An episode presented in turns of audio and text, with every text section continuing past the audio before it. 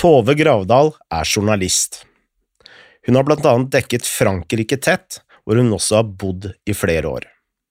Hun er også forfatter og er aktuell med boken Til bords med de mektige – historien om Norge og FNs sikkerhetsråd.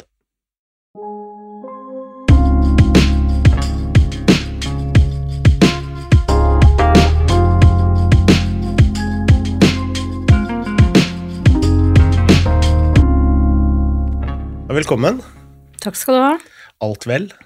Det er det, selv om det er krig i Ja. Europa. Så um, for meg er det bra. Ja. Eh, jeg leste anmeldelsen din i Dagbladet av boken din, og der står det at eh, det var bemerkelsesverdig at man kan eh, skrive noe så underholdende om noe så kjedelig som eh, FNs eh, sikkerhetsråd. Ja, altså jeg er jo egentlig litt overrasket over at folk er overrasket over det. Ja. Fordi at uh, Sikkerhetsrådet er jo verden i miniatyr. I fortettet miniatyr. Og vi har virkelig fått illustrert det nå under Ukraina-krisen. Kan du tenke deg onsdag 23. februar sitter Sikkerhetsrådet i krisemøte om krisen i Ukraina. Eh, Det er fare, akutt fare for krig. Det er den russiske FN-ambassadøren Vasilij Nebensia som sitter og leder møtet i rådet, og den ene etter den andre tar ordet og ber russerne på det inderligste å avstå fra å invadere Ukraina. Mens møtet pågår, sitter Putin i Moskva og bestemmer seg for å invadere Ukraina. Og den norske FN-ambassadøren Mona Juel er faktisk den første som i Sikkerhetsrådet da den onsdag kvelden, New York-tid, eh, sier at nå har vi fått nyhetene om at eh, det har skjedd. Mm. Og noe mer dramatisk, det kan man jo ikke tenke seg. Og det er mange eksempler på sånne ekstreme dramaer som har foregått i Sikkerhetsrådet, og selv om rådet kan framstå handlingslammet, og det er det jo annet nå i Ukraina, Ja, for det er det som er litt mitt inntrykk eh, når verden går gjennom kriser, da. Det er at eh, FN er en organisasjon som er litt handlingslamma. Ja, det er jo tilsynelatende er man det, men så skal man jo ikke underslå betydningen av at uh, diplomater møter hverandre og snakker sammen. Og jeg tror jo at for de russiske diplomatene i New York som sitter og tar imot all den kritikken og fordømmelsen som de nå får av Ukraina, de kan ikke være helt upåvirket av det. Og de ble jo da i FNs generalforsamling, når Sikkerhetsrådet da ikke greide å bli enige om en resolusjon, så brakte de jo saken videre til generalforsamlingen, og da var det 141 land av FNs 193 medlemsland som fordømte invasjonen i Ukraina. Og selv om det har jo ikke noe virkning på bakken, det hjelper jo ikke de arme menneskene i Kharkiv og Mariupol og, som nå kjemper for livet. Men uh, likevel så har det betydning, og det ville vært mye verre hvis ikke vi hadde hatt et sånt møtested i verden hvor eh, Russland blir eh, konfrontert med sine handlinger, og på samme måte som USA ble det da de invaderte Irak uten eh, lov til å gjøre det. Var det like massiv kritikk da? Nei, den, den kritikken var ikke like massiv, men det er jo mange som husker bl.a. blant annet en tale som den franske utenriksministeren den gangen, Dominique de Villepin, holdt i FNs sikkerhetsråd, som er jo blitt stående og skrevet seg inn i historien som et sånn forsvar for folkeretten og en klar fordømmelse Mm. av amerikanernes beslutning om å gå inn i Irak. Og det er ikke noe bra for USA. Altså, dette er jo blitt stående som en skamplett i amerikansk nyere historie. Hva var det han sa da? Nei, han sa jo at amerikanerne gikk inn i Irak, eh, eller valgte å gå til krig eh, mot Irak på sviktende grunnlag. At de hadde ikke noe dokumentasjon på at eh, Saddam Hussein hadde masseødeleggelsesvåpen, som var amerikanernes begrunnelse for å gå inn. Han eh, sa at vi må gi eh, FNs våpeninspektører tid til å granske dette ordentlig, om det er grunnlag for å gå inn. Og han fordømte også USA som en uh, vokter av uh, demokratiske rettigheter og internasjonalt samarbeid, uh, for at de da valgte å gå alene og, og gå til krig. og det var da Colin Powell eh, viste disse berømmelige bildene som viste seg å bare var, Nettopp. være fake? Ja, og det var jo en uh, veldig konfrontasjon mellom uh, den amerikanske utenriksministeren Colin Powell og den franske utenriksministeren. Mm. Det er også en av de store interessante øyeblikkene i FNs historie, da, mm. hvor da to allierte egentlig gikk så knallhardt ut mot hverandre som de gjorde den gangen. Mm. Det fikk jo også litt uh, journalistiske følger i USA, for du hadde blant annet uh, New York Times som helt ukritisk uh, begynte å lage saker som bekrefta det narrativet. Ja, det var ganske sprøtt å, å, være der borte da. Jeg var i New York høsten 2002 og jobbet på den norske FN-delegasjonen da Norge satt i, i Sikkerhetsrådet det siste halvåret. Og jeg husker vi leste blant annet New York Times og bare satt og rista på huet og, og var enige om at uh, dette er jo dette er jo ikke sant. Nei.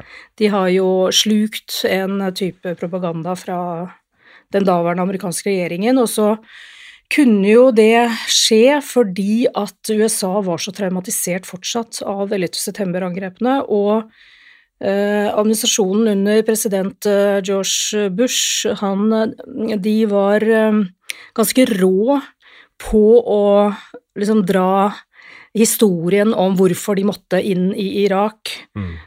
og knytte den til det traumet som, som amerikanerne hadde opplevd. Sånn det var ikke bare at de dro strikken langt, de det var litt sånn falskt narrativ i tillegg. Ja, de laget et narrativ og spilte på en frykt som, satt, som stakk ganske dypt. Også hos de amerikanske journalistene, da, som, eh, som hadde problemer med å ivareta sin kritiske sans, rett og slett. Mm. Um, altså, nå har jo du skrevet en bok om ikke bare FN, men også Norges historie med FN. Og kan vi ikke bare ta det litt sånn fra starten? Og uh, første jeg lurer på, det er Trygve Lie. Hvorfor blir uh, Var han første eller andre generalsekretær? Han var første generalsekretær. Første, ja. mm. Hvorfor uh, ender opp en, en norsk arbeiderpartipolitiker fra Grorud opp som FNs generalsekretær? Det var fordi at han i 1946, altså i januar-februar 1946, da de valgte generalsekretær, så var han spiselig både for amerikanerne og for Sovjetunionen. Mm. Og det var flere kandidater, bl.a. en canadier som var aktuell, og som uh, amerikanerne ville ha, men han var helt utålelig for, for Sovjetunionen. Og, um, og Trygve Lie hadde jo faktisk vært på bryllupsreise i Sovjetunionen i sin tid, og, og de kjente han i, som tidligere norsk minister og LO-topp. Mm. Og han var da i tillegg spiselig for amerikanerne, så han var rett og slett en sånn kompromisskandidat. Han var helt sikkert ikke den beste, men han eh, Altså når det gjelder sånne faglige forutsetninger, mm. men han, eh, han, var spiselig for de to stormaktene, og det var eh, det helt avgjørende. Åssen var han som generalsekretær? Altså, han har jo fått et, etter min oppfatning, ufortjent dårlig rykte, men han har noen ø, stygge skampletter på sin historie. Ehm, for å ta det positive først, det var jo han som sørget for å gi FN et hovedkvarter i New York. Mm. Og det var litt av en kamp, både finansielt, men også med tanke på hvordan det skulle bygges og, og hvordan det skulle utformes. Og der eh, var jo Trygve Lie som en tidligere sånn beredskapsminister i Norge, så viste han seg å være veldig, veldig flink, for han fikk ting gjort. Mm. Sånn at uh, i løpet av overraskende få år så hadde FN et hovedkvarter som vi kjenner det i dag, ikke sant, den høyblokka ved East River i, i New York. Og det ble innviet allerede i 1952, altså han brukte seks år på å få det hovedkvarteret på plass, og det var imponerende. Men så gjorde han noen veldig stygge feil. Han uh, er jo blitt kritisert for at han ble en uh, lakei for uh, sionistene i Israel i forbindelse med at staten Israel ble opprettet, hvor han ikke klarte å være nøytral i spørsmålet mellom uh, palestinerne og, og, sionistene i forbindelse med opprettelse mm. av staten Israel, og at han også i, i tiden etter at Israel ble opprettet, uh, var veldig håndterte veldig dårlig den palestinske flyktningkrisen som, som oppsto da, og så er han også blitt kritisert i etterkant fordi at han tillot at eh, FBI-agenter fikk lov til å operere inne i FN-hovedkvarteret og jakte på mulige kommunister blant de amerikanske ansatte i FN. Mm. Helt uhørt. Men eh, det gjorde han. Dette var jo McCarthy-tiden i, i, USA, ikke sant, da jakten på kommunister var eh, var veldig intens. Fordi Arne Treholt eh, fortalte i den nylige dokumentaren som går nå på NRK, om at eh, det var i lobbyen i FN-bygningen han kunne ha sine fortrolige samtaler med, med sovjeterne. Mm. Ja, og det er jo ikke noe tvil om at det er mye spionvirksomhet i FN-bygget. Det er jo helt opplagt. Det har jo blitt laget eh, veldig mange gode actionfilmer fra det bygget der. Ja, ikke sant. Og det mm, så det er Men at han slapp inn FBI-agenter på et sånn eh, tilsynelatende nøytralt territorium, det det var jo litt uh, drøyt, da. Mm. Men det, det, som jo ble Trygve Lies endelikt, det var jo at han til slutt ble persona non grata for, uh, for uh, Sovjetunionen. For det skjedde noe veldig interessant i januar 1950. Da satt Norge i Sikkerhetsrådet for første gang. Og kommunistene hadde overtatt makten i, i Beijing i Kina. Mm. Og um, Sovjetunionen fremmet et forslag i Sikkerhetsrådet om at de nye makthaverne, altså Mao, skulle overta Kinas sete i FN. Og det var jo takket være amerikanerne at Kina fikk fast eh, plass i FNs sikkerhetsråd og vetomakt. Uh, og det var en strek i regningen for amerikanerne at uh, de nasjonalistene som var deres allierte i Beijing, da ble erstattet med kommunister. Mm. Så det skulle ikke amerikanerne ha noe av, at uh, Mao overtok, overtok Kinas sete. Og det var en avstemning i Sikkerhetsrådet hvor Norge unnlot å stemme. Og det til tross for at Norge noen dager før hadde anerkjent de nye makthaverne i Beijing som Kinas rettmessige makthavere, men så valgte Norge av hensyn til sin allianse med USA, og la være å stemme over det spørsmålet. Er det litt sånn uh, symptomatisk for Norges rolle i FN, og nå sitter vi jo i Sikkerhetsrådet igjen, mm. at vi må balansere altså uh, USAs hensyn mot uh, nå russernes mm. hensyn som et naboland? Ja, det er et veldig interessant spørsmål, og der har det skjedd en utvikling, vil jeg si. Altså fra de ehm, Dette er jo femte gang Norge sitter i rådet. Og de fire gangene før så vil jeg si at Norge har vært ganske USA-lojal. Det endret seg lite grann mot slutten i forrige periode, da Irak-striden kom opp, og hvor Norge var, eh, holdt seg mest i ro, men valgte faktisk mot slutten av sin periode da å stemme mot USA i Israel-Palestina-spørsmålet, f.eks. Denne gangen ser jeg at Norge opptrer faktisk mye mer uavhengig av USA enn eh, det man kunne ha ventet, mm. og har ved flere anledninger stemt imot eller gått imot uh, USA. Det gjaldt f.eks. sist mai, da det var krig på Gaza, og Norge sammen med Kina og Tunisia presset på for at Uh, saken skulle opp i Sikkerhetsrådet, og amerikanerne motsatte seg det, inntil kamphandlingene var over. Så, men bare for å komme tilbake til det som skjedde i 1950, det eh, Sovjetunionen nedla veto da, mot den uh, Eller Sovjetunionen Eller amerikanerne selvfølgelig nedla veto mot at kommunistene skulle overta Kinas plass, og det førte til at Sovjetunionen boikottet rådet. De bare protesterte ut i protest. Og Eh, var ute av rådet i åtte måneder. Og det førte til at Sikkerhetsrådet den gangen var i stand til å vedta eh, eller autorisere en krig i eh, Korea. For Nord-Korea invaderte Sør-Korea, og Sikkerhetsrådet vedtok da at det var lov å, å slå Nord-Korea tilbake med, med væpna makt. Mm. Uh, altså starta Koreakrigen. Og det hadde Sovjetunionen nedlagt veto mot hvis de hadde sittet i rådet. Og det førte til at de pilte tilbake igjen til, uh, til Sikkerhetsrådet, Sikkerhetsrådet, i ja. august. Og akkurat den historien er litt relevant for det som skjer nå. Fordi at uh, nå er det jo litt snakk om uh, Nå må vi ekskludere eh, Russland fra FN. Eller kan det være at nå får Russland så mye pepper i FN at nå velger de å trekke seg fra hele organisasjonen. Mm. Og det siste tror jeg er helt uaktuelt for Russland å gjøre, fordi at da mister de en veldig, veldig viktig posisjon og et ekstremt viktig verktøy, som er nettopp den vetomakten som de har i Sikkerhetsrådet. Og det kommer de aldri til å gi fra seg, så de, eh, de tar den kritikken de får i eh, FN nå. Mm. Men øh, hvis, øh, som meg, da, øh, opplever FN som handlingslamma, og si det stemmer, da, øh, hvorfor øh, tviholder de på den øh, plassen da? Er det øh, jeg, jeg forstår det ikke helt. Det er jo for, nettopp for å, gj- for å kunne gjøre det de gjorde f.eks.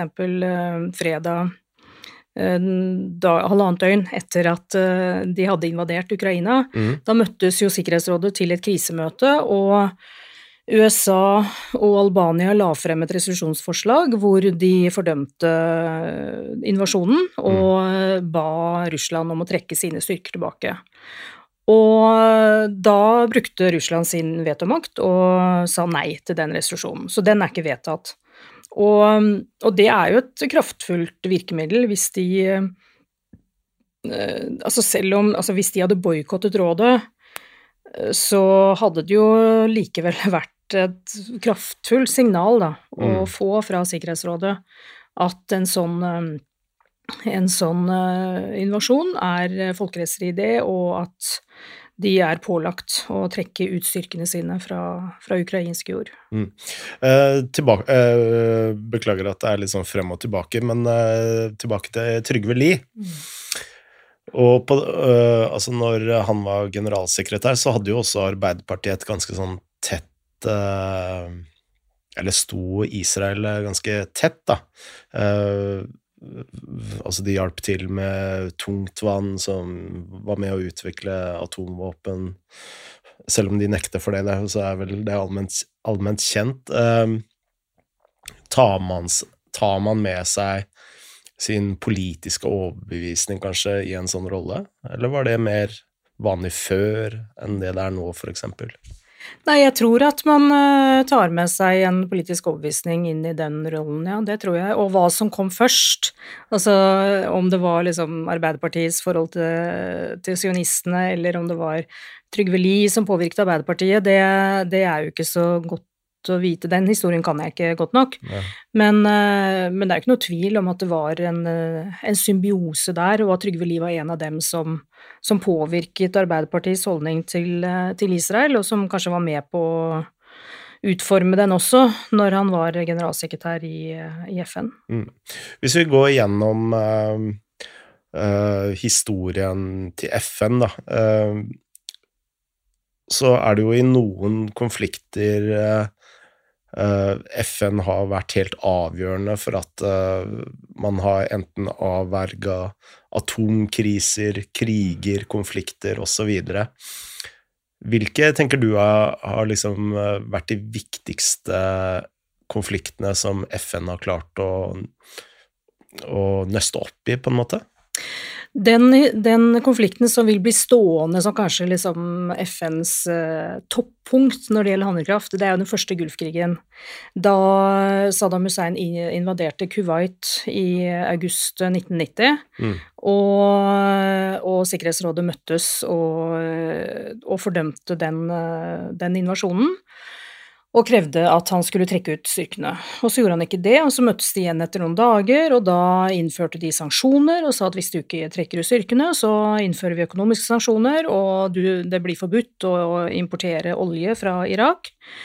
Og han trakk fortsatt ikke ut styrkene sine, og så gikk det noen måneder, og i november eh, 1990 så ga eh, Sikkerhetsrådet da klarsignal, eller autorisasjon, til en eh, militær eh, operasjon for å tvinge Saddam Hussein tilbake. Mm. Og den, eh, Militæroperasjonen eh, ble jo satt i gang da i januar 1991, samme dag som kong Olav døde her i Norge. Husker husker det var veldig dramatisk? Jeg husker det dramatisk. veldig godt uh, selv. Ikke sant? Da gikk jeg i åttende klasse på Enebakk ungdomsskole, og vi blei uh, uh, dratt med inn i gymsalen, hvor rektor da måtte fortelle at kong Olav er død, og man har gått til krig mot Irak. Ja. Det var veldig, veldig sterkt. Jeg også husker det veldig godt. Og vi var på Slottsplassen og tente lys, og det var ikke bare for konge, men det var fordi vi var urolige for at det ville gå galt i verden igjen. Mm. Men da var Sikkerhetsrådet veldig samla og veldig handlekraftig. Og eh, så tvang de jo Saddam tilbake igjen, og så videreførte de jo eh, disse sanksjonene som de hadde innført. Så i mange år etterpå så var det jo ulovlig å handle med Irak, og etter hvert så satte man opp et system hvor det var mulig for Irak å få kjøpe medisiner og mat og sånne nødvendige ting.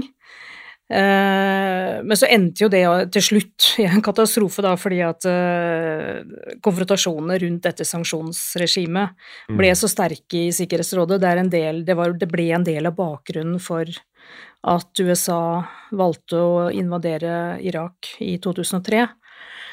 Så, men det er i hvert fall et eksempel på at uh, rådet opptrådte samla, og Koreakrigen selvfølgelig var også et eksempel på hvordan rådet eh, kunne handle med en viss tyngde.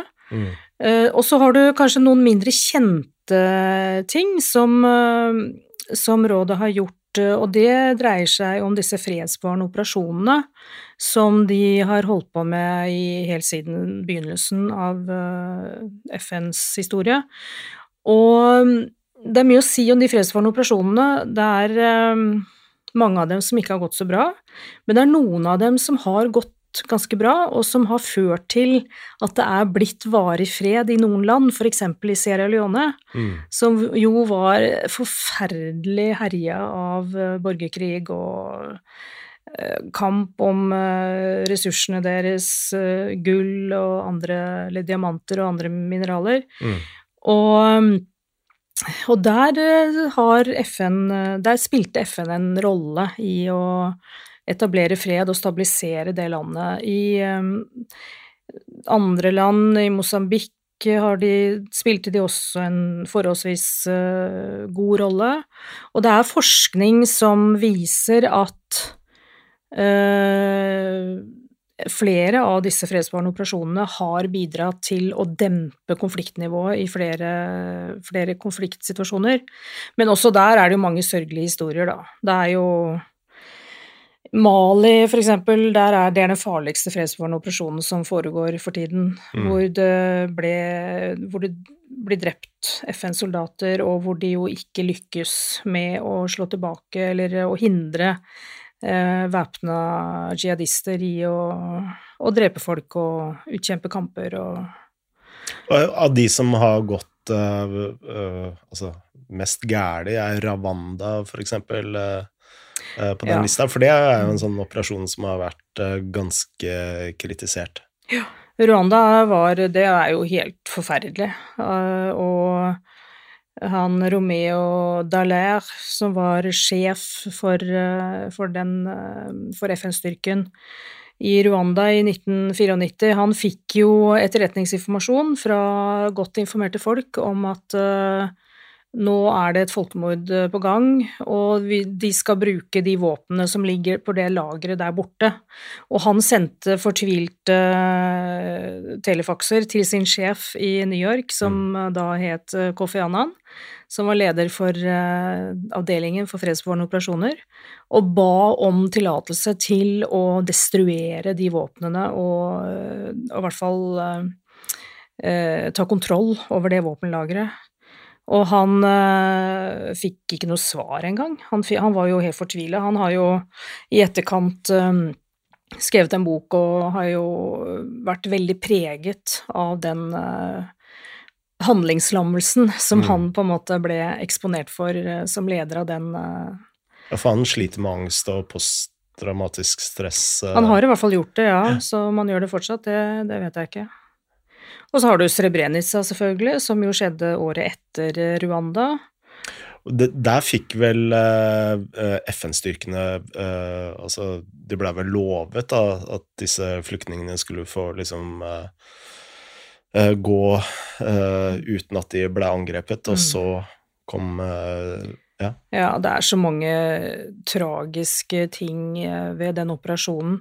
Det er jo skrevet en stor rapport i Nederland, det var jo nederlandske FN-styrkere som sto ved Srebrenica og og ble på en måte håndlangere for de serbiske, den serbiske militsen, mm. som var ledet av Ratko Mladic, og som hjalp dem med å sortere, sortere kvinner og menn, og, og, dermed bidro til å gjøre det enklere for, for uh, Mladic og hans styrker å ta livet av disse Det er jo snakk om opptil 10 000 menn som ble drept. Mm. Og ehm, den rapporten eh, som er eh, skrevet i Nederland om, eh, om hva FN-soldatene gjorde der, den er ganske den er ganske drøy. Og det er jo På hvilken måte da? Nei, fordi den, den, den legger jo skyld på noen av de nederlandske kommandantene, og, at, og, og påpeker at de kunne ha handlet annerledes. Så, så vidt jeg husker, så er det også noen nederlendere som er dømt for, for, å ha deltatt i den operasjonen. I Haag, da, eller? De, nei, i nederlandsk rett. Og nederlandsk rett, mm. ja. Og eh, det har vært et voldsomt oppgjør, og jeg tror fortsatt det er en ganske sånn traumatisk historie for, for Nederland, da. Mm. Og så var det jo svikt i flere ledd, ikke sant. De ba jo om flystøtte, for disse nederlandske FN-soldatene. Det fikk de ikke fra, fra, Det måtte jo ha kommet fra Nato i så fall, men det, det fikk de ikke. Så det, mm. det er en forferdelig tragisk, eh, tragisk hendelse. Eh, tilbake til Kofi Annan, og så må vi snakke litt om eh, lederne eh, i eh, FN. Og eh, det at Kofi Annan kom litt til kort i Ravanda, det ser jo nesten ikke ut til å liksom preget hans ettermæle overhodet. Hvordan klarer en, en generalsekretær med en så stor tabbe liksom klare å bygge sitt eget patos på, på den måten der. Mm. Uh, igjen, han var jo i likhet med alle andre generalsekretærer en uh, kompromisskandidat, da. Ja. Og ikke nødvendigvis den eh, best kvalifiserte. Og så var det Afrikas tur til å ha generalsekretær, osv. Og, så og så må det sies at uh, Kofi Annan bedrev jo en mea culpa som preget hele hans periode som generalsekretær, fra 1997 til 2005. Mm. Han holdt en tale rundt tusenårsskiftet som er meget selvkritisk når det gjelder FNs unnfallenhet overfor overfor Tutsiene? Ja, både Rwanda og og Srebrenica. Og han eh, var jo drivkraften bak dette prinsippet som ble vedtatt i FNs generalforsamling, det som kalles Responsibility to Protect, R2P, altså ansvaret for å beskytte sivile i krig. Mm. Og som, eh, som, på en måte pålegger Sikkerhetsrådet at dersom det er fare for eh, store menneskelige lidelser og og eh, folkemord, så har eh, FN forpliktelse til å gripe inn og stanse det. Og det var Kofi Annan veldig veldig opptatt av. Han, eh, han drev det frem i FN-systemet. Og så brukte de jo det prinsippet da i, til 2011, da Sikkerhetsrådet vedtok at de skulle bruke militærmakt mot Gaddafis styrker i Libya. Ja. Og, og det gikk jo ikke så bra. Så dette R2P-prinsippet er jo kommet veldig i diskreditt. Mm. Og, og, fiaskoen i Libya førte jo til at man eh, våget jo aldri å ta i bruk det prinsippet i Syria. Man hadde ikke fått det til heller, fordi at uh, Russland ville ha nedlagt veto mot det. Ja. Så, og derfor vil det heller ikke være aktuelt i Ukraina, fordi Russland kommer til å legge ned veto. Nettopp, ja. Og det er jo det som er så dramatisk, at uh, vi ser disse menneskelige lidelsene som Sikkerhetsrådet har ansvaret for å, for å stanse. Men både i Syria og i Ukraina så kommer vi til å stå overfor eh, et, et russisk veto som stanser det. Så på grunn av Libya så eh, gikk ikke FN inn i Syria, eller var det også Russland som stoppa en eventuelt uh, inngripen der? Det var nok begge deler, for det handlet jo først og fremst om at amerikanerne trakk seg, ikke sant, og til tross for at, uh, at Syrias leder, Bashar al-Assad, uh, trådte over den røde linjen som mm. president Barack Obama hadde satt, da han uh, sa, han sa det vel i 2012, at hvis de bruker kjemiske, kjemiske våpen mot befolkningen, så det er å gå for langt. Mm. Og så gjorde jo altså det i august 2013. Og så vidt jeg har forstått eh, på eh, annet på Samantha Power, tidligere amerikansk FN-ambassadør, så var Obama veldig nær ved å, å gå til eh, aksjon og, mm. og ta affære overfor Assad da. Men så trakk han seg i siste sekund, og gikk da heller inn i en avtale med Putin hvor de skulle liksom uh, samle inn alle de kjemiske våpnene til Assad og heller frakte de ut av landet. Ja, Putin kom man kanskje litt i for forkjøpet, eller? Ja. ja.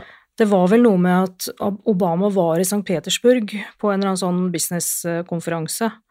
Og så ble de to enige om at uh, vi skal uh, Ja, vi, vi, ordner det sånn. Ja. Og jeg tror nok så vidt jeg skjønner på Obama, at han egentlig var fornøyd med det, fordi at han var jo ikke noe særlig happy for å gå inn i Libya i 2011. Nei. Han skriver jo i sine memoarer at um, han uh, He felt cornered by uh, Sarkozy and Cameron. Som uh, Det var jo den franske presidenten, Nicolas Sarkozy, som uh, jo insisterte på at de skulle gripe inn med våpen og mm. hjelpe libyerne. Så fikk han med seg Cameron, mens eh, Obama egentlig ikke var så veldig eh, opptatt, eller var ikke så veldig interessert i mm. å gripe inn med våpen i, eh, i Libya heller. Må snakke litt om Norge og altså Nå sitter vi i Sikkerhetsrådet, og hva var på en måte motivet for at uh, Norge gikk etter en sånn post? Altså det UD sier, det er at uh, disse multilaterale Altså det multilaterale samarbeidet, det er den viktigste utenrikspolitiske interessen for Norge. Mm. Og det høres jo veldig flytende ut. Men ja. for et lite land på fem millioner så er det forståelig, fordi at uh, vi er jo avhengig av at det er At internasjonalt samarbeid styres av lover og regler at vi er enige om hvor grensene går i havet, f.eks. At eh, det er noen regler for hvordan vi skal oppføre oss eh, i krig, og det er noen regler for hvordan vi skal eh, både handle og, og oppføre oss på alle måter overfor hverandre. Og, og, vi ser jo nå i Ukraina er jo et eksempel på at når hvis, hvis det er sånn i verden at den sterkestes rett rår, så går det jo ikke bra i det hele tatt. Da mm. blir jo land som Norge helt overkjørt. Og opp gjennom århundrene så har vi jo sett det. Vi har jo vært kasteball for stormakter, og mm. Napoleon og Sverige og andre stormakter drev jo og herja som de ville med Norge. Mm. Så det er i våre, vår interesse at, um, at det finnes regler, og at det finnes institusjoner som håndhever de reglene. Og der er jo FN en av de viktigste, sammen med en god del andre, selvfølgelig. Sånn Verdens handelsorganisasjon og andre er jo også viktige. Og da er argumentet fra norsk side at uh, da må også vi ta vår tørn i de uh, organene som da FN består av. Og Sikkerhetsrådet er det mektigste av alle disse organene. Og, og det er jo ikke så mye sånn politisk gevinst å hente på hjemmebane i å sitte i Sikkerhetsrådet. Fordi Sikkerhetsrådet er en kompromissets arena. Mm. Den er veldig lite egnet for sånne klare markeringer og 'vi står opp for uh, menneskeverdet' osv. Som den politiske debatten egentlig er prega av nå. Ikke sant? Ja.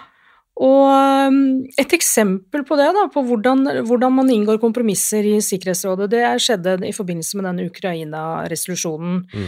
som amerikanerne la frem i rådet, og som de visste at Russland kom til å nedlegge veto mot. Mm.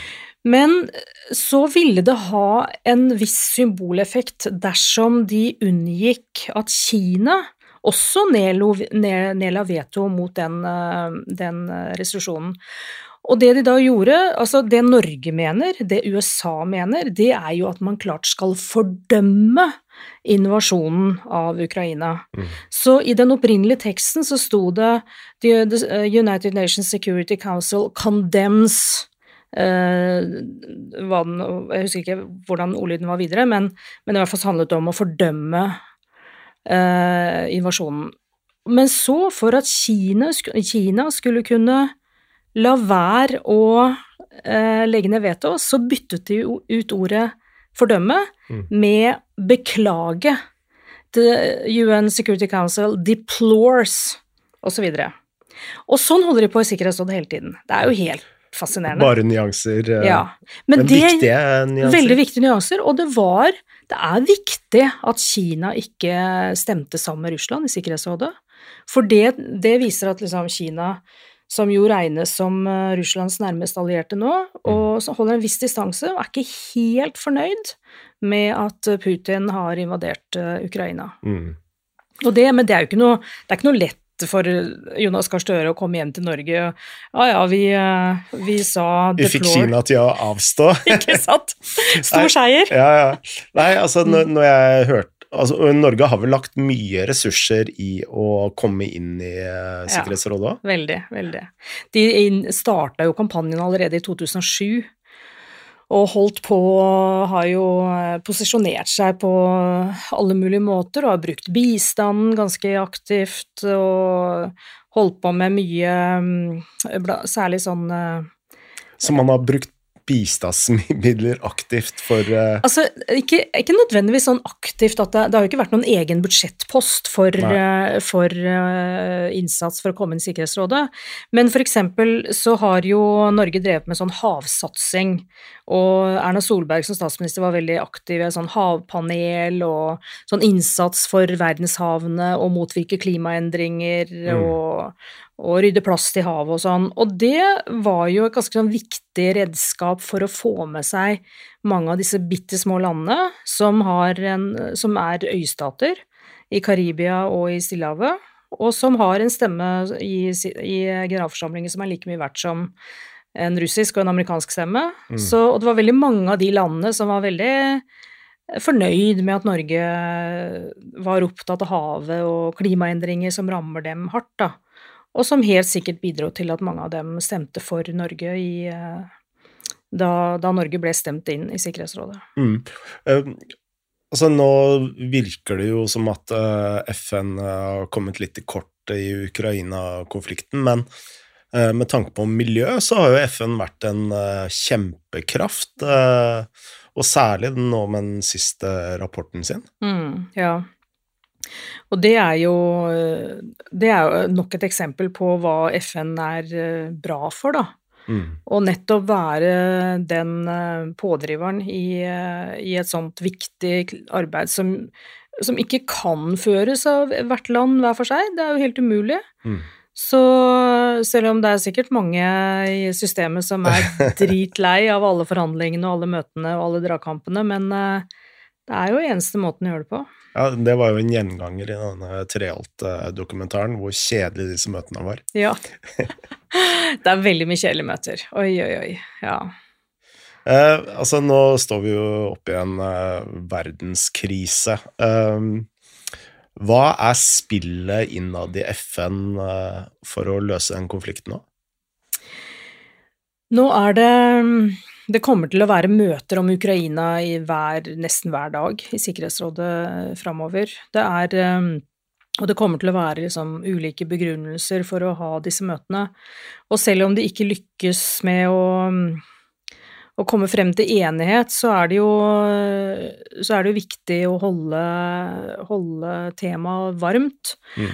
Og det pågår f.eks. For forhandlinger i Sikkerhetsrådet nå om en mulig, altså en, en mulig resolusjon om humanitær hjelp til Ukraina.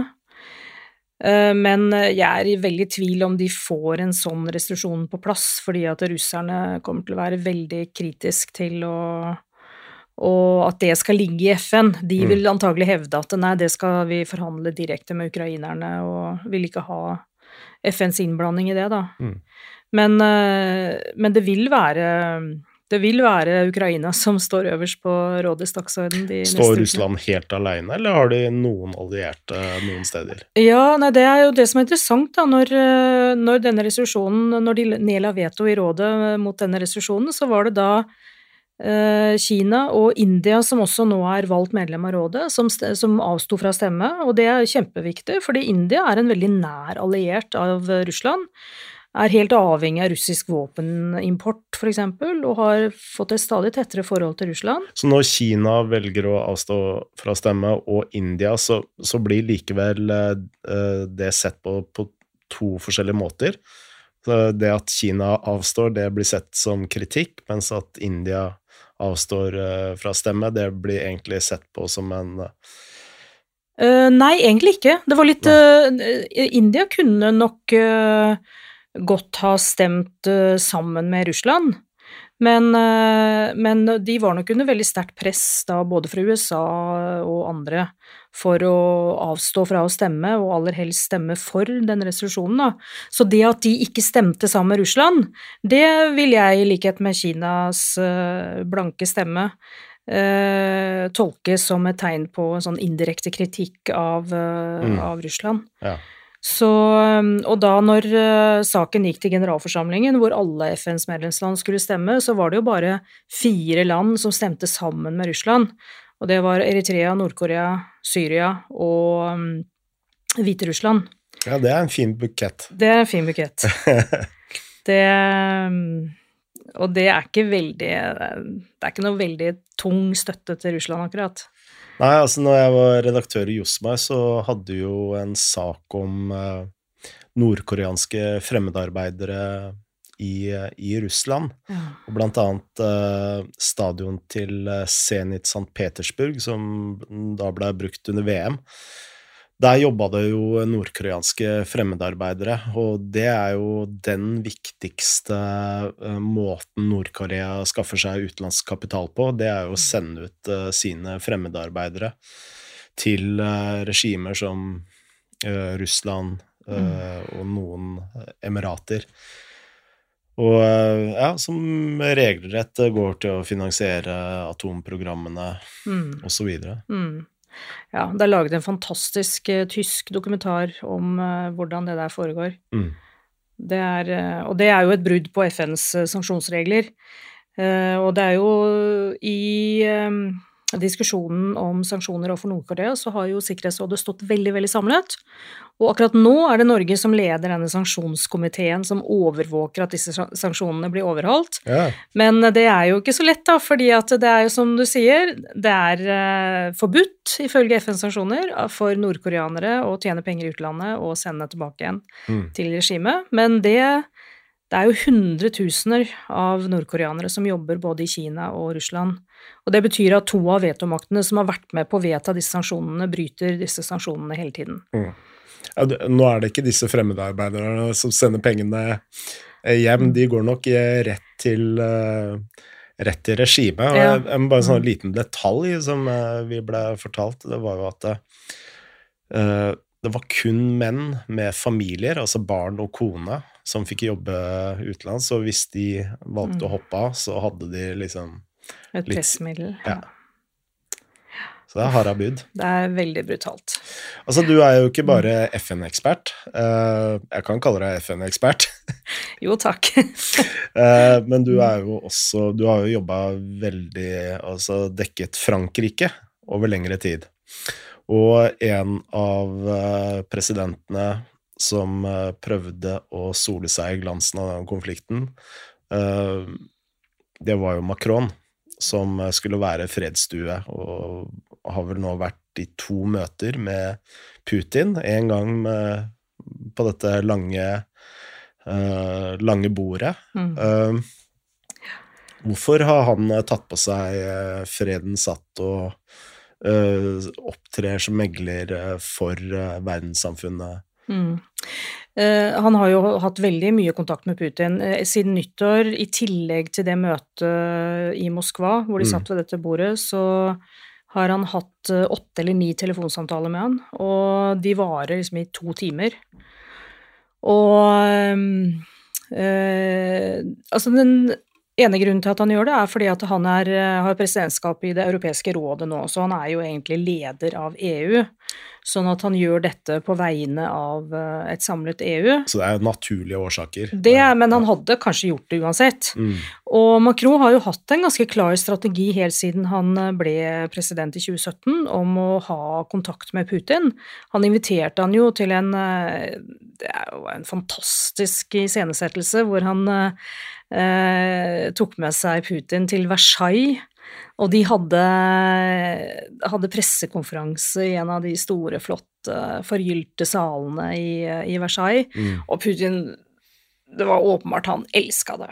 Han syntes det var helt topp Mm. å komme til Versailles og holde pressekonferanse. Men det som også var kult med, jeg husker fra den pressekonferansen, var jo hvordan Macron viste seg som veldig uredd da han ble spurt om eh, om de russiske mediene, altså Russia Today og, og Sputnik, som opererte i Frankrike, og han bare langet ut. Jeg kaller dem ikke journalister engang, de er propagandister.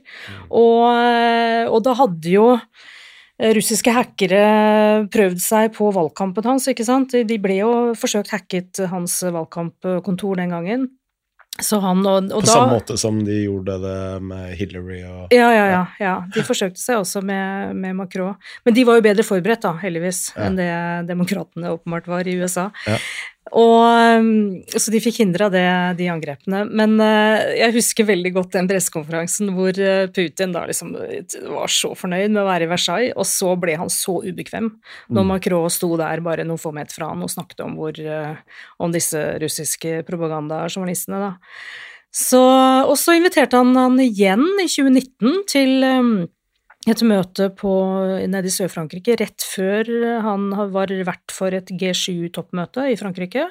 Så han har jo liksom han har jo snakket veldig tydelig om det, at vi kan ikke gjøre noe med at Russland ligger i Europa. Vi må forholde oss til Russland, Mm. og vi må faktisk ha en åpen kanal til Putin. Og det har vært hans øh, øh, Ja, han har ment det sterkt hele tiden. Og, og jeg ser jo at noen i norsk presse sier at det er fordi at han er så forfengelig og ser sitt snitt til å sole seg i glansen av dette fredsdiplomatiet, da. Men han er jo ikke dum. Han skjønner jo nå, han har jo sagt nå etter det møtet med Putin i Moskva, så sa han jo at han merket en, eh, en stor forskjell på Putin eh, som han møtte i 2019 og den han møtte nå. Nå var det en paranoid, eh, isolert eh, leder som han syntes eh, var mye mer skremmende Mm. enn tidligere, da. Og, og det er jo bra at en leder av Macrons støpning Han er jo en iherdig, energisk fyr, ikke sant? At Mm. han gidder. At han gidder å sitte på telefonen i to timer og snakke med en eh, paranoid leder i Kreml. Jeg Mm. syns det er ganske prisverdig Mm. at noen gidder. Så kan det hende at det ikke fører noe sted, men det er i hvert fall bedre at noen gjør det, enn at ingen gjør det. Ja, for det, det satt han jo også dårlig, i et litt dårlig lys. At, eh, for han var vel ute og sa jeg tror ikke Putin kommer til å invadere, og så bare en dag eller to senere Mm. så går de til full invasjon. Ja, han sa jo søndagen før eh, invasjonen, så sendte han ut en melding hvor han eh, sa at de nå jobbet med planer om et nytt toppmøte mellom Putin og, eh, og Joe Biden. Mm. Og det har jo ytre høyre-siden i, eh, i Frankrike hånet ham for, da, fordi Mm. han eh, det eh, Putin slo jo beina unna det ganske umiddelbart ved først å anerkjenne eh, Donetsk og Luhansk som eh, selvstendige republikker, og, så da å gå til krig. Men, eh, men likevel, på hjemmebane så, så, blir han belønnet for denne diplomatiske innsatsen. Nå ligger han veldig godt an på meningsmålingene, og mm. det skal veldig, veldig mye til for at han ikke blir gjenvalgt som president nå i april. Hva er liksom Macrons eh, prosjekt i Frankrike? Eh, han har jo vært veldig opptatt av eh, reformer, fordi Frankrike er jo har jo mange litt sånn stivbeinte ordninger. Og han har ønsket å reformere og, og gjøre ting både enklere, men og mindre byråkratisk. Mm. For eksempel så har et av hans store reformprosjekter som han ennå ikke har greid å gjennomføre, har jo vært å strømlinjeforme pensjonssystemet i Frankrike, som er veldig raust. Altså der eh, allmenn pensjonsalder er 62 år, mm. hvilket jo også lever de jo til de er 80-90, ikke sant, så det koster jo staten fryktelig mye. Og så har de 40, mer enn 40 forskjellige pensjonsordninger for ulike yrkesgrupper, som gjør at det er et veldig komplisert system å, å administrere. Men pga. pandemien så måtte han stoppe det prosjektet, da. Men han har gjennomført en del andre reformer, blant annet sånn forenklet noe sånn arbeidsledighetstrygdordningen mm. og, og ja, en rekke, rekke, forskjellige ting, da, som han har vært veldig opptatt av å og få, få til et mer sånn effektivt statsapparat. Ja. Eh, men det er jo ikke så lett, da. Og, det, og, så møtte han jo da i 2019 stor motstand fra denne gule vester-bevegelsen som oppsto. Mm. Og han eh, I starten av pandemien så gikk det litt dårlig. Han skjønte ikke alvoret med en gang, rett og slett. Så de var litt sånn uh, slepphendte. Og så ble jo Frankrike, i likhet med Norge, avslørt som veldig avhengig av, uh, av kinesisk import av uh, essensielle ting som munnbind og mm. Og, og, og, i likhet med i Norge så ble da staten kledd litt naken fordi at de hadde ikke tatt beredskap ordentlig på alvor. Mm. Og det, så starten av pandemihåndteringen i Frankrike var uh, ganske klumsete. Men så har det jo tatt seg veldig opp, og i løpet av fjoråret så ble jo Frankrike et av de landene som har høyest vaksinedekning i verden. Mm. Og, og, nå får jo Macron ganske gode skussmål. Ja. Mm. Uh, disse gule vestene, var det et uh, opprør uh, som kan sammenlignes med brexit-bevegelsen f.eks. I, i England, eller handla det mer om uh, fransk lokalpolitikk, på en måte? Eller nasjonal politikk, mm. er vi riktigere å si? Ja, jeg tror nok Jeg tror ikke det var så kobla til en protest mot EU, nei, som brexit var. Det handlet jo først og fremst om kjøpekraft, mm. og protest mot mindre kjøpekraft, som jo ut fra de eh, faktiske tallene er helt reell, og hvor folk har fått mindre å rutte med, da. Men nå går jo økonomien bedre i Frankrike, og nå er arbeidsledigheten på, et, på det laveste nivået siden 2008. Hva ligger den på da? Sånn den er 7,5% omtrent. 7,5, ja. Så Og det er Det virker som om liksom lufta har gått ut av den ballongen, egentlig. Der jeg har vært overrasket over å se at nå, i kjølvannet av pandemien, hvor uh, jo det vekkes mye sterke følelser og sånn, så kunne det godt ha liksom tatt inn også en protestbevegelse eh, mot eh, Macrons økonomiske politikk og mot dårligere kjøpekraft og sånn, men det har liksom ikke kommet noe særlig kraft i en sånn bevegelse. Nei. Og virker han eh, som han har også fått litt uh, kontroll på fattigdomsbekjempelsen i Frankrike, eller bommer jeg litt der? Ja, altså han uh, Det at flere kommer seg i arbeid, er jo, er jo bra. Det er jo mm. det viktigste. Og de har jo eh, sosiale ordninger i Frankrike som jo går de norske på mange måter en høy gang. De har jo en veldig, veldig velutviklet velferdsstat. Ja. Eh, men det er klart, det er, eh, det er, fortsatt folk som strever i Frankrike. Ja. Det er det. Hvorfor ble det Frankrike for deg?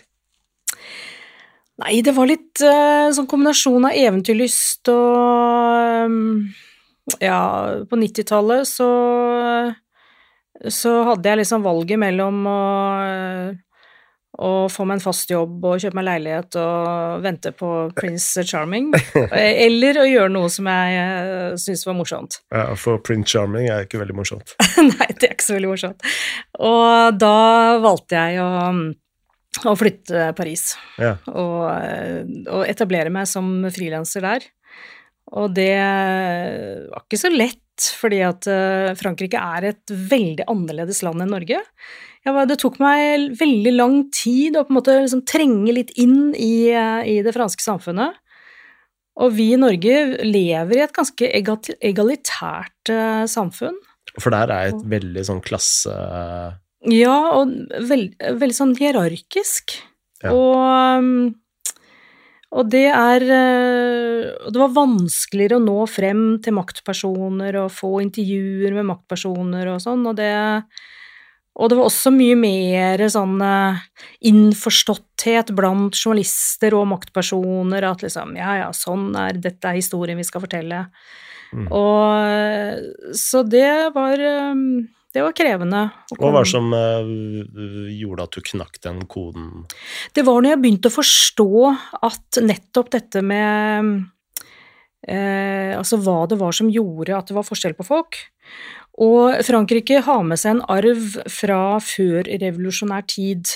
Altså i, eh, i eh, Under kongedømmet så hadde du et aristokrati som eh, hvor du hadde en klasse øverst i samfunnet som virkelig var hevet over loven. De kunne gjøre akkurat som de ville, og de ble ikke rammet av loven. Og det førte jo til revolusjon, og det er jo ikke så rart, for det, sånn kan man jo ikke ha det. Mm. Men så tok man på en måte med seg den, eh, den kulturen, da, men da var det kanskje nye klasser, nye deler av samfunnet, som, som overtok de privilegiene som eh, aristokratiet hadde hatt. Og da var det utover 1800-tallet mer borgerskapet som, som fikk de privilegiene.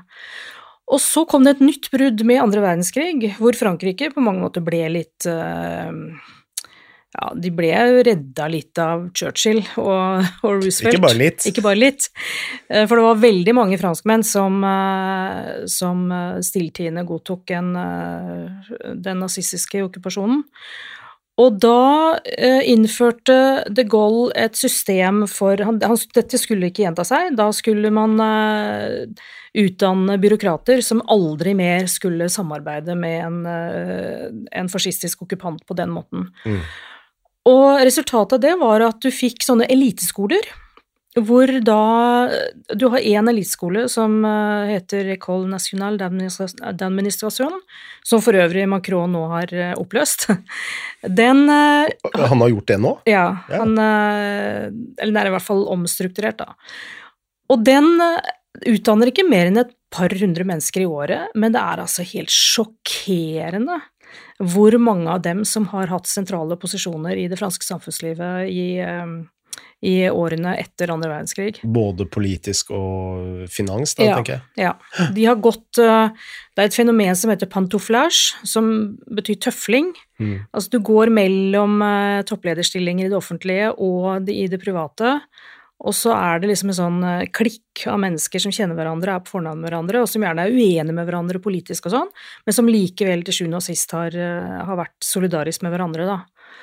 Og det er jo først egentlig de siste årene at den eh, dette her elitestyret har begynt å slå sprekker i Frankrike. Ja. Og der har vår egen eh, norsk-franske Eva Jolie spilt en eh, viss rolle. Hun var en av de første etterforskerne som på 90-tallet begynte å granske korrupsjon i dette miljøet, og hun felte Roland Dumas, som var utenriksminister for eh, Francois Mitterrand, og fikk han dømt for korrupsjon. Nå mistet jo ikke han posisjoner og sånn likevel, da, men likevel, det var eh, Men hun bidro til at man begynte å granske maktmisbruk og korrupsjon i, mm. på dette toppnivået i, eh, i Frankrike. Hun gifta seg også inn i en, eh, en eh, ganske eh, viktig familie. eh, En overklassefamilie, ja, Ja. hun gjorde det. Så jeg tror ikke den var implisert i noen, eh, noen av de historiene. Nei, men hun men, eh, fortalte veldig mye om eh, disse mekanismene, da. Ja, ja. For hun begynte vel som barnepike. Ja. Hun var au pair i en familie og gifta seg med sønnen i huset. Klassiker. Så, ja, ikke sant? Uh, og så gikk hun også inn i politikken for Miljøpartiet De Grønne. Mm, og det gikk ikke så bra. Hun, hun var en bedre korrupsjonsjeger enn politiker, vil jeg si. Mm. Men det, blei jo til og med laget spillefilm om, eh, eh, om disse avsløringene. Ja, og den, eh, den store avsløringen hennes var jo, handlet jo om oljeselskapet Elf, hvor hun altså felte den ene topplederen etter den andre. Og det, det, er, det er ganske imponerende, det hun gjorde. Veldig uredd og veldig ja, historisk. Hva slags standing har henne i, i Frankrike nå? Nå er hun ikke så profilert lenger, men hun blir jo trukket frem og blir intervjuet som sånn eh, litt sånn eh, vis eh, gammel dame. Ja. Og, og hun er blitt litt eh, hva skal jeg si, diskreditert på grunn av eh, at hun ikke har gjort det så bra som politiker. Mm. Og da hun var presidentkandidat, så fikk jo De Grønne 1 eller 2% eller noe sånt nå. Det var jo en katastrofe. Så, men jeg tror hun blir anerkjent for eh, det hun gjorde, Mm. med tanke på å avsløre korrupsjon i, i landet. Um, Med tanke på disse eliteskolene, så, så var jo vel Altså, den uh, eh, Hva kaller man det? Altså ikke Altså, de styrte jo Algerie, Ja. Uh, hvor det utbrøt en slags uh, borgerkrig. Eller en Mm. ren borgerkrig. ja, en frigjøringskrig. Frigjøringskrig. Ja. Uh, som var utrolig brutal. ja. Åssen preger det Frankrike i dag? Åh, det er et veldig interessant spørsmål, og veldig komplisert, fordi um, Ja, bra, da! Ja Bra vi er på en podkast. Hvor, hvor mye tid har du? Nei, det er en av de tingene jeg også brukte tid på å forstå da jeg kom til Frankrike, hva denne Algerie-historien, eh, hvordan den preger landet og, og, og landets eh, nåtilstand. Fordi eh, det var grotesk. Altså, de brukte jo tortur, de brukte jo forferdelige metoder. Og brøt jo folkeretten så det sang i Algerie. Og og Macron er jo en av de Ja, han er vel den første presidenten som har bedt om unnskyldning for de overgrepene Frankrike begikk i Algerie. Mm. Og så så jo franskmenn på Algerie som en del av Frankrike. Det var ikke bare en koloni, det var en del, det var en provins i Frankrike. Og det var veldig mange franskmenn som hadde etablert seg der og bodd der da i flere generasjoner, og som måtte rømme ut av Algerie. Og så var det i tillegg veldig mange algeriere som hadde samarbeidet med den med franske kolonimakten, og som da også rømte til Frankrike. Og så har det jo vært mye kontakt mellom landene og veldig mange algirere som jobber og er fremmedarbeidere, eller ble fremmedarbeidere da i Frankrike på 60- og 70-tallet.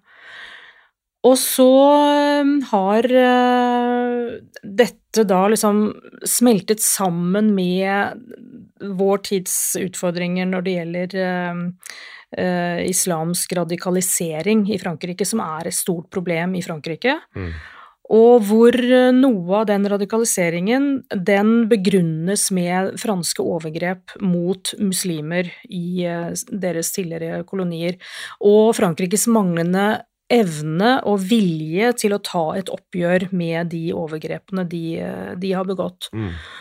Og, og Tror du den der manglende viljen har noe med den såkalte overklassen å, å gjøre? Altså den, fordi den uh, eliteklassen, eh, som vi kan kalle det, da, virker veldig avkobla resten av Frankrike. Ja, det tror jeg helt klart, og det Uh, det gjelder både andre verdenskrig og, og Algerikrigen, at Frankrike har vært veldig lite villige til å ta det oppgjøret. Eh, Jeg husker veldig godt det gjorde så inntrykk på meg på 90-tallet da Maurice Papon sto for retten. Han var prefekt nede i Bordeaux-området og eh, ble da omsider på 90-tallet eh, stilt for retten, anklaget for å ha deportert, vært medansvarlig for å deportere flere hundre jødiske barn til konsentrasjonsleir i, i Tyskland under krigen. Og han hadde da, siden krigen eh, var ferdig, så hadde han vært politimester i Paris, han hadde vært minister i en regjering Uh, han ble avslørt som kollaboratør i 1981, og så tok det da likevel så mange år før han ble stilt for retten. Og når de skulle hente inn et ekspertvitne til den rettssaken, så var det en amerikansk historiker som måtte stille i retten som ekspertvitne. Frankrike hadde ikke selv historikere som kunne nok om, uh, om samarbeidet, altså det offentlige Frankrikes samarbeid med, med nazistene til at de kunne gi en, eh, en, troverdig fremstilling av det som hadde foregått under krigen. Og det sjokkerte meg litt. Mm. Og, og, der også har Frankrike nå de siste årene Det har kommet mye, mye mer nå. Det er jo på høy tid at de Så deres oppgjør med andre verdenskrig og Algerie, den kommer egentlig først nå, den? Ja, ja. og det har kommet noen bøker nå de senere årene om Algerie også, hvor, som beskriver torturmetodene deres. og og nøyaktig hvorfor det ikke har kommet før, det mm, er ikke så godt å si, men det er jo ikke noe uvanlig, da. Vi, vi har jo sett det selv i Norge, ikke sant. Oppgjøret med hvordan vi behandlet jødene under krigen har jo egentlig ikke kommet for fullt før de siste årene. Nei. Uh, før vi slutter av nå, så må vi uh, bare nevne noe av det aller, aller viktigste med Frankrike. Rødvin.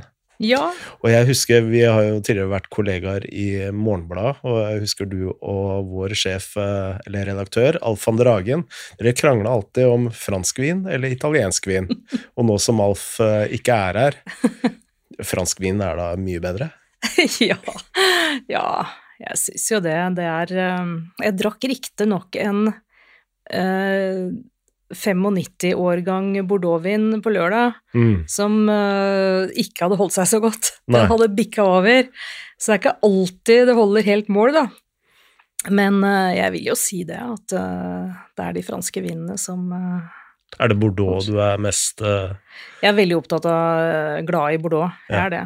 Og men det jeg har jobba mest med, eller som jeg, som jeg kan mest om, er jo champagne. Ja.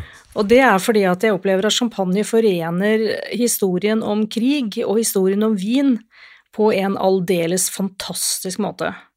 Altså, historien om champagnes uh, spredning i verden starter jo ved napoleonskrigene, da uh, russiske offiserer uh, reidet kjellerne i champagne mm. og dro med seg champagneflasker hjem og skapte etterspørsel etter champagne i, i Russland. Og så hadde du tre kriger mellom Tyskland og Frankrike som bokstavelig talt rullet over åkrene i Champagne. Særlig første verdenskrig, som, eh, hvor skyttergravene gikk gjennom Champagne. Og mm. de finner jo fortsatt sånne etterlatenskaper etter døde soldater i vinmarkene i Champagne. Ja. Og eh, Så det er en av grunnene til at jeg er veldig opptatt av champagne og fascinert av champagne. At eh, vinens historie er liksom den er ikke frakoblet de politiske dramaene som har skjedd opp gjennom historien. Ja. Burgund, da? Burgund er jo veldig, veldig godt, og mye flott vin, men det er litt for dyrt, altså. Det er dyrt, men det er veldig godt. Det er veldig godt, ja. ja det er det. Uh, har du lyst til å komme med et vintips, eller? Ja, altså da tror jeg faktisk at jeg vil gå utenom noen av de kjente distriktene de, de, siste månedene er jeg blitt mer og mer opptatt av Beaujolais. Ja, Hvor det, befinner vi oss geografisk? Da må vi litt sør for Burgund, ja. og rett utafor Lyon. Mm. Det, er, det, er det vindistriktet som på en måte ligger eh, på nordvestsiden av Lyon. Og Beaujolais jo, har jo et fryktelig dårlig rykte pga. den der fæle Beaujolais Nouveau som eh, blir eh, presentert i november hvert år, mm. som er eh, årets vin. Og det, den smaker jo ikke noe særlig godt. Men det er veldig mye annet fra Beaujolais som smaker veldig, veldig godt. Sånne litt sånn ja, Det er billigere alternativer til Burgund, selv om det er en annen drue. Det er jo gamé-druen og ikke Pinot Noir som i Burgund, men mm. likevel, det er veldig mye artig Beaujolais. og Polet har nå fått et ganske godt utvalg av Beaujolais-viner etter hvert. Det anbefales. Da er det bare rett på polet, Tove. Tusen takk for at uh, du var med her. Takk for at jeg ble invitert. Utrolig lærerikt og interessant. I like måte. Takk skal du ha. Moderne media.